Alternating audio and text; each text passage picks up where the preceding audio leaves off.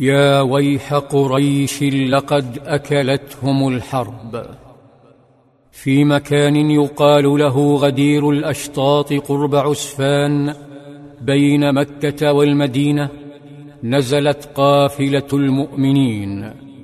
وإذا بغبار فارس يلوح من بعيد اقترب الفارس فإذا هو الجاسوس بشر بن سفيان الكعبي.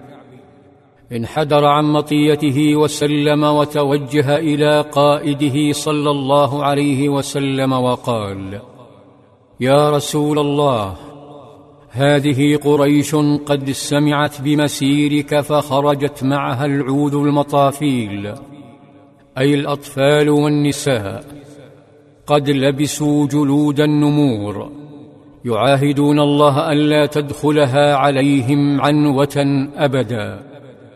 وهذا خالد بن الوليد في خيلهم. قد قدموا إلى كراع الغميم. لم تزحف قريش وحدها بل صحبها الأحابيش وهم حلفاء لها من قبائل شتى. حزن صلى الله عليه وسلم وتألم ثم قال يا ويح قريش لقد أكلتهم الحرب. ماذا عليهم لو خلوا بيني وبين سائر الناس؟ فإن أصابوني كان الذي أرادوا وإن أظهرني الله عليهم دخلوا في الإسلام وهم وافرون وإن لم يفعلوا قاتلوا وبهم قوة. فماذا تظن قريش؟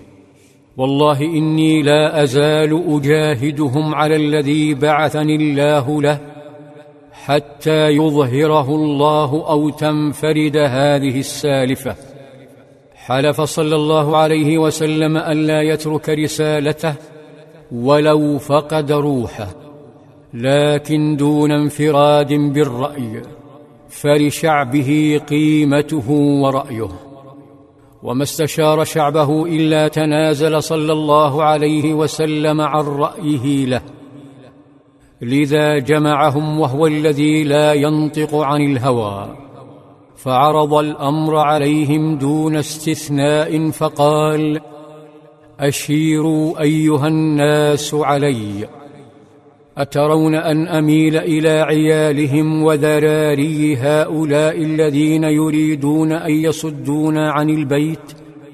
فإن يأتونا كان الله عز وجل قد قطع عينا من المشركين وإلا تركناهم محروبين أي مسلوبين منكسرين. سكت الجميع. ونطق كبير الحكماء. نطق الصديق فقال يا رسول الله خرجت عامدا لهذا البيت لا تريد قتل أحد ولا حرب أحد فتوجه له. لم يعارض أحد من الشعب هذا الرأي فأقره صلى الله عليه وسلم وقال امضوا على اسم الله. نهض أكثر من ألف وأربعمائة صحابي وصحابية وركبوا دوابهم وساقوا هديهم. كانت جواسيس خالد بن الوليد ترصد من بعيد. ولما صاروا بين ضجنان وعسفان تسللت سرية خالد. وهو قائد لا يلقي بجيشه في محرق من الحماس والإيمان. لذلك فكر بطريقة ينقض فيها على المسلمين وهم غافلون. فقد سبق وأن شاهدهم يصلون خاشعين لا يلتفتون لا يتكلمون. فقرر الفتك بهم وهم سجود.